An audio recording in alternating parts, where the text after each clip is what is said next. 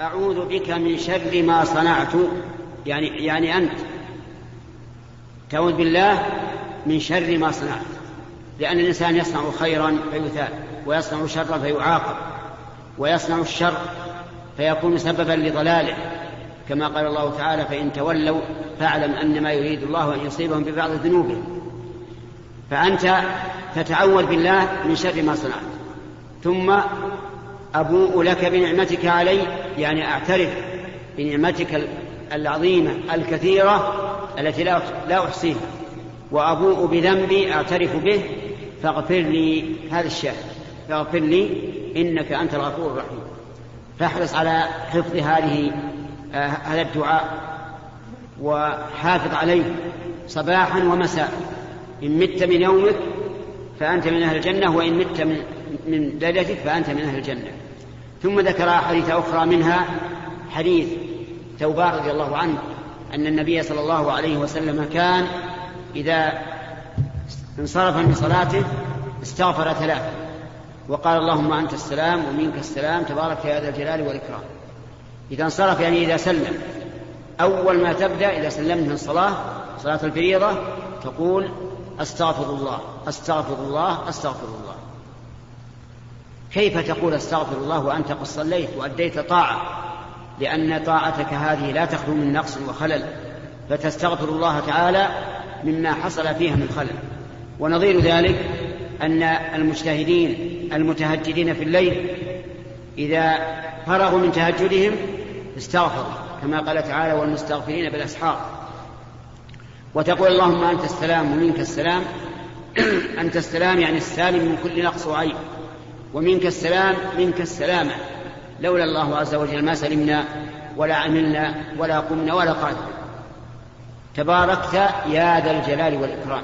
وليس فيها وتعاليت في هذا الموطن ليس فيها وتعاليت لكن في أحاديث أخرى في موطن آخر فيها. أما هذا فلم تذكر. يا ذا الجلال والإكرام. أي عظمت خيراته وبركاته ونعمه على عباده. فينبغي للإنسان أن يستغفر بعد الصلاة ثلاث مرات. صلاة الفريضة ثلاث مرات ويقول اللهم أنت السلام ومنك السلام تباركت يا هذا الجلال والإكرام ويأتي بما ورد من الأذكار. ويأتي إن شاء الله بقية الكلام على على ما ذكره المؤلف.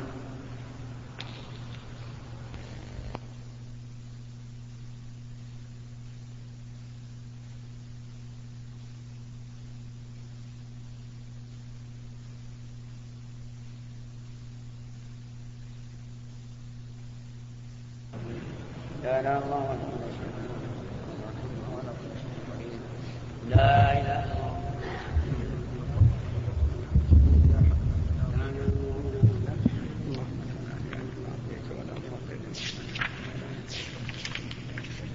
الله.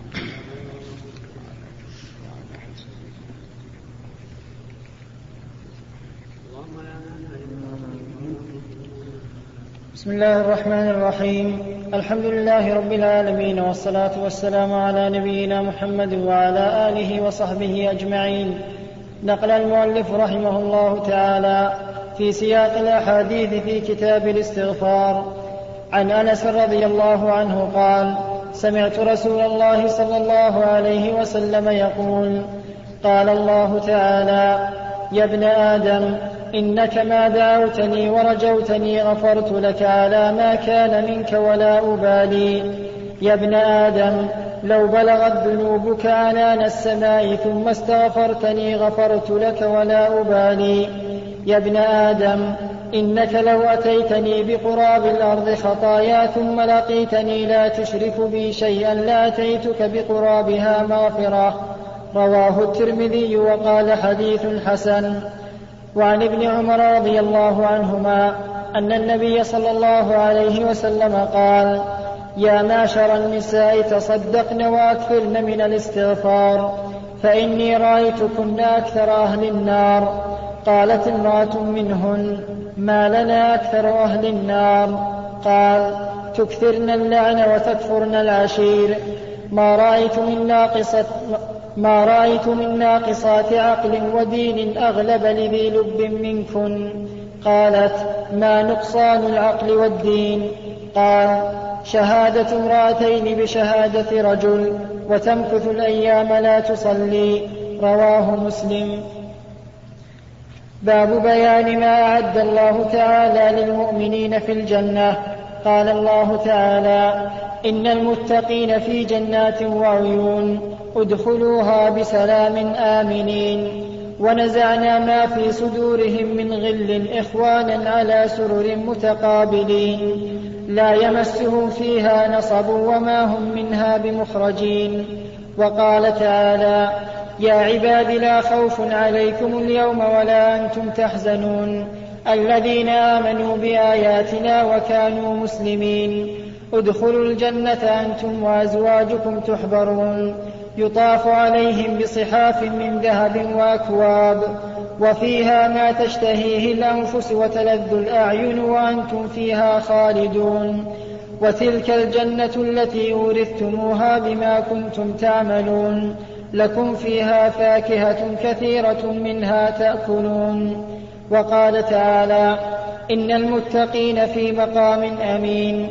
في جنات وعيون يلبسون من سندس واستبرق متقابلين كذلك وزوجناهم بحور عين يدعون فيها بكل فاكهة آمنين لا يذوقون فيها الموت إلا الموتة الأولى ووقاهم عذاب الجحيم فضلا من ربك ذلك هو الفوز العظيم وقال تعالى إن الأبرار لفي نعيم. على الأرائك ينظرون. تعرف في وجوههم نظرة النعيم. يسقون من رحيق مختوم. ختامه مسك. وفي ذلك فليتنافس المتنافسون. ومزاجه من تسنيم. عينا يشرب بها المقربون. والآيات في الباب كثيرة معلومة.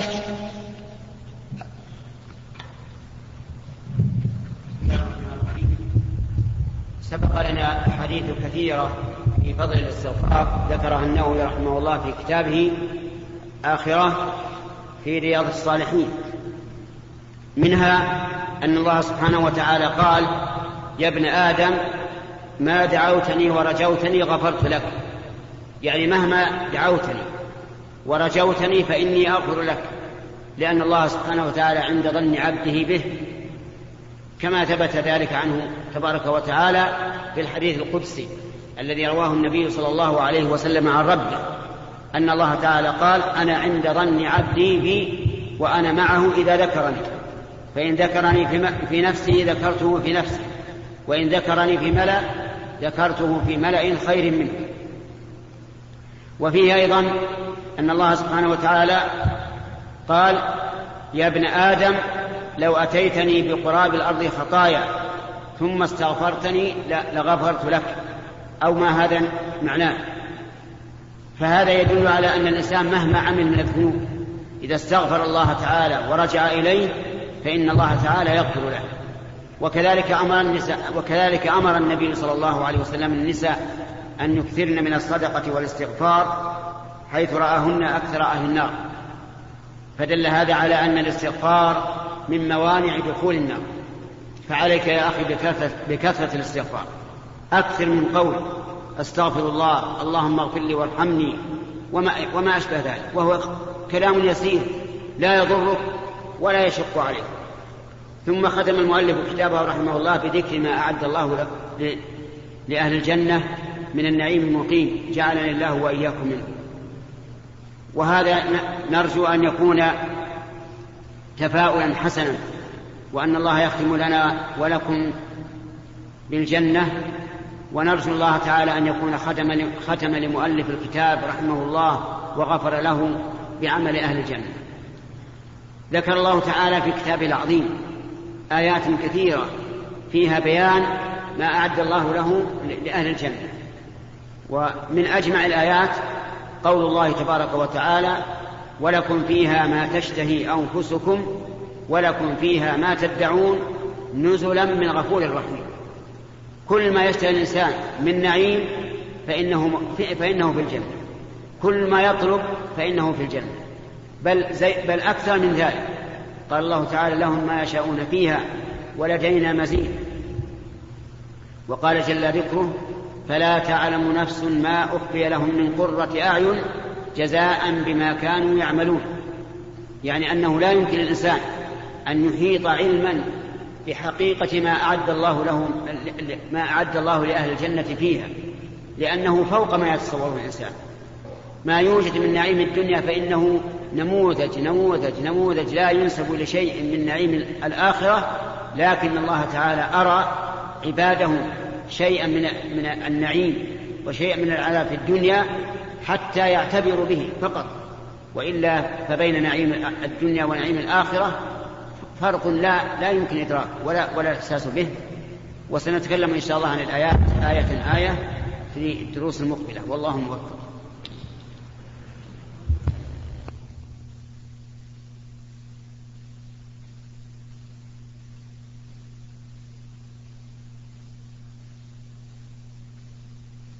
بسم الله الرحمن الرحيم. الحمد لله رب العالمين والصلاة والسلام على نبينا محمد وعلى آله وصحبه أجمعين. قال رحمه الله تعالى باب بيان ما أعد الله تعالى للمؤمنين في الجنة. قال الله تعالى إن المتقين في جنات وعيون ادخلوها بسلام آمنين. ونزعنا ما في صدورهم من غل إخوانا على سرر متقابلين. لا يمسهم فيها نصب وما هم منها بمخرجين.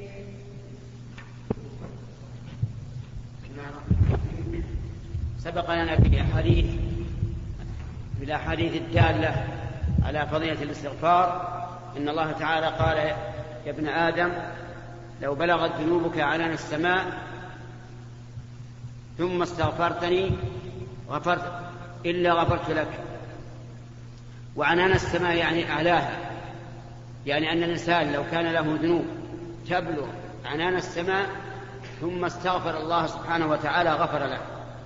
لأن الله تعالى قال ومن يظلم نفسه ومن يعمل سوءا أو يظلم نفسه ثم يستغفر الله يجد الله غفورا رحيما أي ذنب تفعله أيها الإنسان ثم تستغفر ثم تستغفر الله فإن الله تعالى يغفر لك أما الباب الذي نتكلم عليه الآن ففيه أو فهو بيان ما أعد الله تعالى لأوليائه في الجنة. والجنة هي الدار التي أعدها الله تعالى لأوليائه للمتقين. بدأ المؤلف بقول الله تبارك وتعالى إن المتقين في جنات وعيون. نعم. إن المتقين في جنات وعيون ادخلوها بسلام آمنين. يعني يقال لهم ادخلوها بسلام آمنين. آمنين من كل شيء من كل آفة من كل مرض من الهرم من الموت من كل شيء. ونزعنا ادخلوها بسلام آمنين ونزعنا ما في صدورهم من غل. يعني أنهم إذا دخلوا الجنة نزع الله تعالى ما في صدورهم من غل.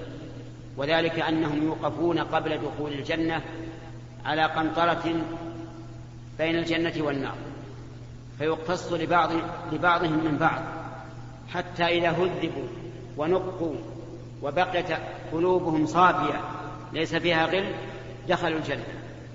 بعد أن ينزع الله ما في قلوب بعد أن ينزع الله ما في قلوبهم من غل. وقوله على سرر متقابلين السرر جمع سرير وهو معروف ما يجلس عليه. وقوله متقابلين يعني أنهم على جانب من الأدب العظيم في جلوسهم. لا يستدبر بعضهم بعضا ولكنهم متقابلون. قال بعض العلماء لأنهم يجلس بعضهم إلى بعض على حلقة واسعة والحلقة لا يتدابر فيها الجالسون كل واحد مقابل للآخر.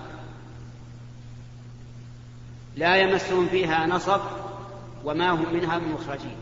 يعني لا يمسهم تعب وإعياء ولا يخرجون منها بل هم ساكنوها أبد الآبدين. الآية الثانية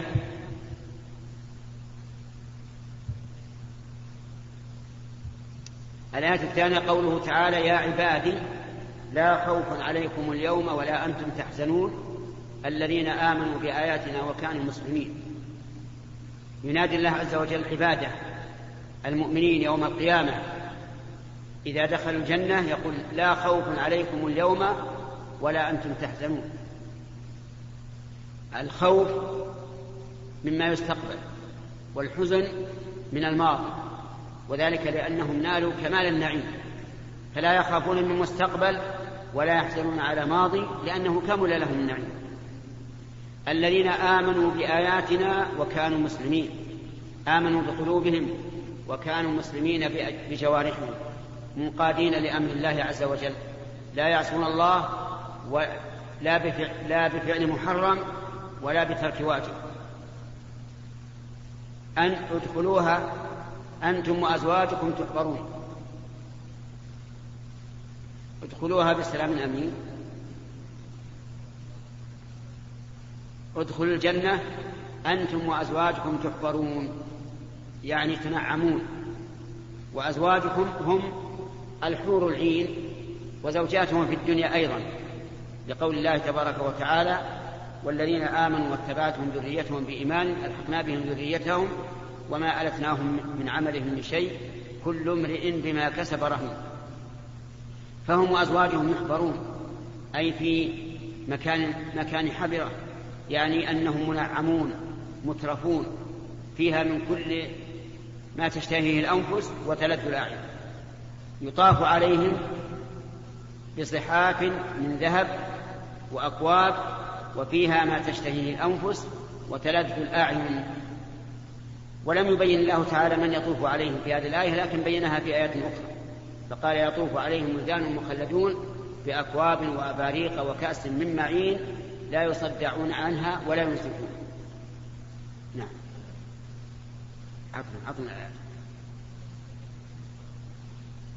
الآية الثالثة قوله تعالى إن المتقين في مقام أمين في جنات وعيون في مقام أي مكان إقامة. آمنين. آمنين كما سبق من كل شيء. في مقام أمين يلبسون من سندس واستبرق متقابلين. هذا هذا لباسهم وهو أعلى أنواع الحرير.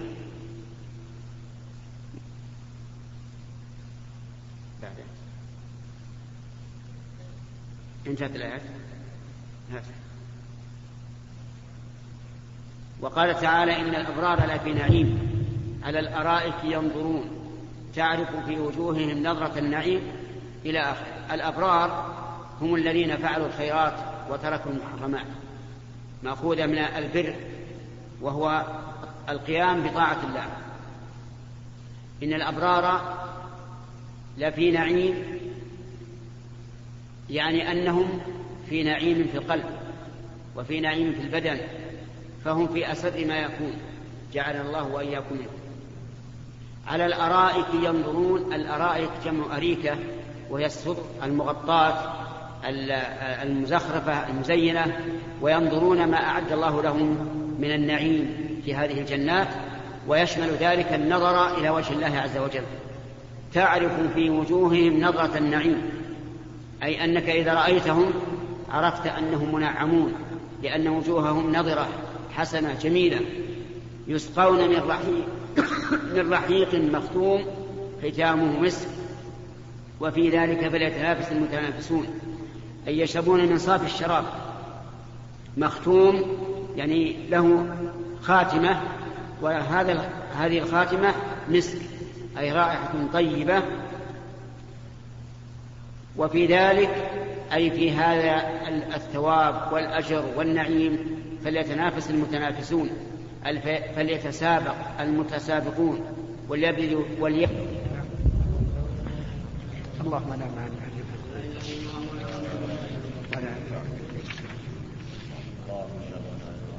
لا اله الا الله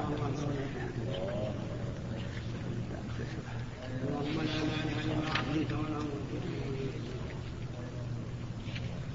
بسم الله الرحمن الرحيم. الحمد لله رب العالمين والصلاة والسلام على نبينا محمد وعلى آله وصحبه أجمعين. قال رحمه الله تعالى فيما نقله من الأحاديث في باب بيان ما أعد الله تعالى للمؤمنين في الجنة عن جابر رضي الله عنه قال قال رسول الله صلى الله عليه وسلم يأكل أهل الجنة فيها ويشربون ولا يتغوطون ولا يمتخطون ولا يبولون ولكن طعامهم ذلك جشاء كرشح المسك يلهمون التسبيح والتكبير كما يلهمون النفس رواه مسلم. وعن أبي هريرة رضي الله عنه قال قال رسول الله صلى الله عليه وسلم قال الله تعالى أعددت لعبادي الصالحين ما لا عين رأت ولا أذن سمعت ولا خطر على قلب بشر واقرأوا إن شئتم فلا تعلم نفس ما أخفي لهم من قرة أعين. متفق عليه. وعنه رضي الله عنه قال قال رسول الله صلى الله عليه وسلم أول زمرة يدخلون الجنة على صورة القمر ليلة البدر.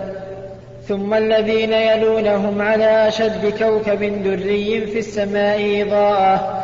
لا يبولون ولا يتغوطون ولا يدفلون ولا يمتخطون أمشاطهم الذهب ورشحهم المسك ومجامرهم الألوة عود الطيب أزواجهم الحور العين.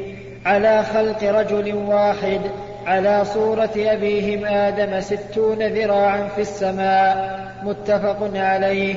وفي رواية للبخاري ومسلم آنيتهم فيها الذهب ورشحهم فيها المسك ولكل واحد منهم زوجتان.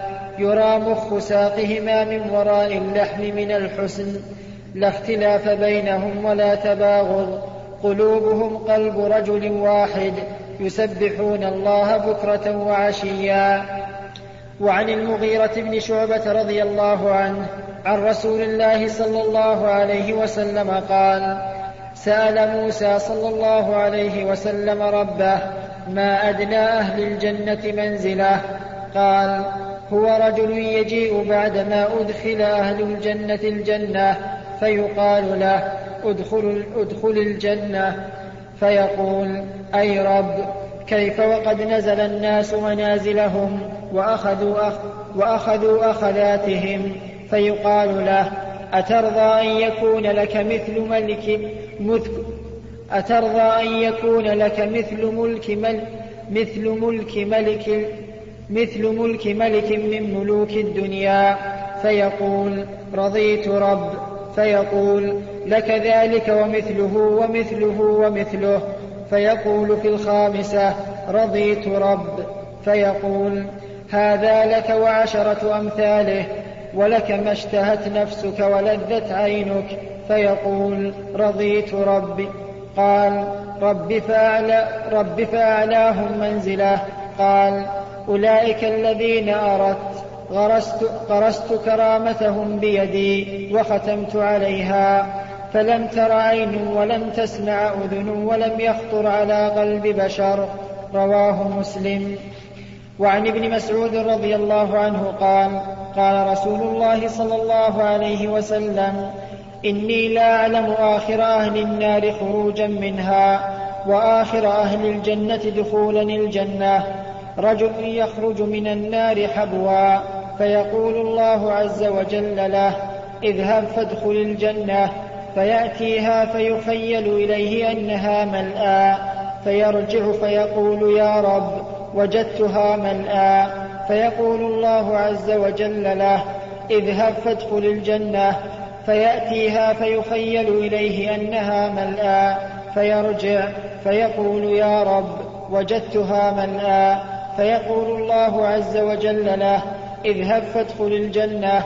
فإن لك مثل فإن لك مثل الدنيا وعشرة أمثالها أو إن لك مثل عشرة أمثال الدنيا فيقول أتسخر بي أو أو تضحك بي وأنت الملك؟ قال فلقد رأيت رسول الله صلى الله عليه وسلم ضحك حتى بدت نواجذه فكان يقول ذلك أدنى أهل الجنة منزلة متفق عليه نعم هذه الأحاديث كثيرة ذكرها المؤلف رحمه الله في كتابه رياض الصالحين في بيان نعيم أهل الجنة. فمنها أن أول زمرة تدخل الجنة على صورة القمر ليلة البدر ليلة البدر. وهذه أول زمرة وهي أفضل الزمر. وقد ثبت عن النبي صلى الله عليه وسلم أن أول أهل الجنة دخولا لا تسوق تشغل أن أول أهل الجنة دخولا هم هذه الأمة. ثم الذين يلونهم على أضوأ كوكب دري في السماء يعني مثل أضوأ نجم في السماء. ثم الذين يلونهم على حسب مراتبهم. وفيها أيضا أن أهل الجنة يأكلون ويشربون لكنهم لا يبولون ولا يتغوطون ولا يتمخطون ولا يدخلون لأن جميع فضلاتهم ليست كفضلات أهل الدنيا فضلاتهم تخرج رشحا يعني كالعرق أطيب من ريح المسك وجشاء أطيب من رائحة المسك لأنهم في نعيم مقيم. ثم ذكر أيضا أدنى أهل الجنة منزلة وأعلاهم. وكلها تدل على على فضل هذا النعيم. نسأل الله أن يجعلنا وإياكم من أهلها. أما أهل النار والعياذ بالله فهم على العكس من ذلك. وحق لعين ترجو الجنة ألا تنام. حق لعين تخشى النار ألا تنام. لأن متاع الدنيا قليل والآخرة خير لمن اتقى. ولكن حكمة من الله عز وجل وابتلاء وامتحان. أن الناس في هذه الدنيا كأن كأن لم يكن إلا الدنيا عند كثير من الناس. كأنما خلقوا لها مع أن الدنيا خلقت لهم.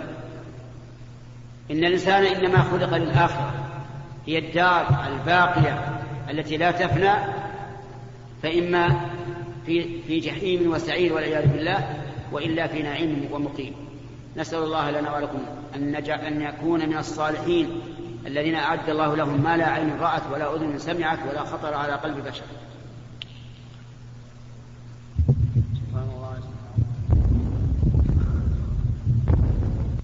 بسم الله الرحمن الرحيم. الحمد لله رب العالمين والصلاة والسلام على نبينا محمد وعلى آله وصحبه أجمعين.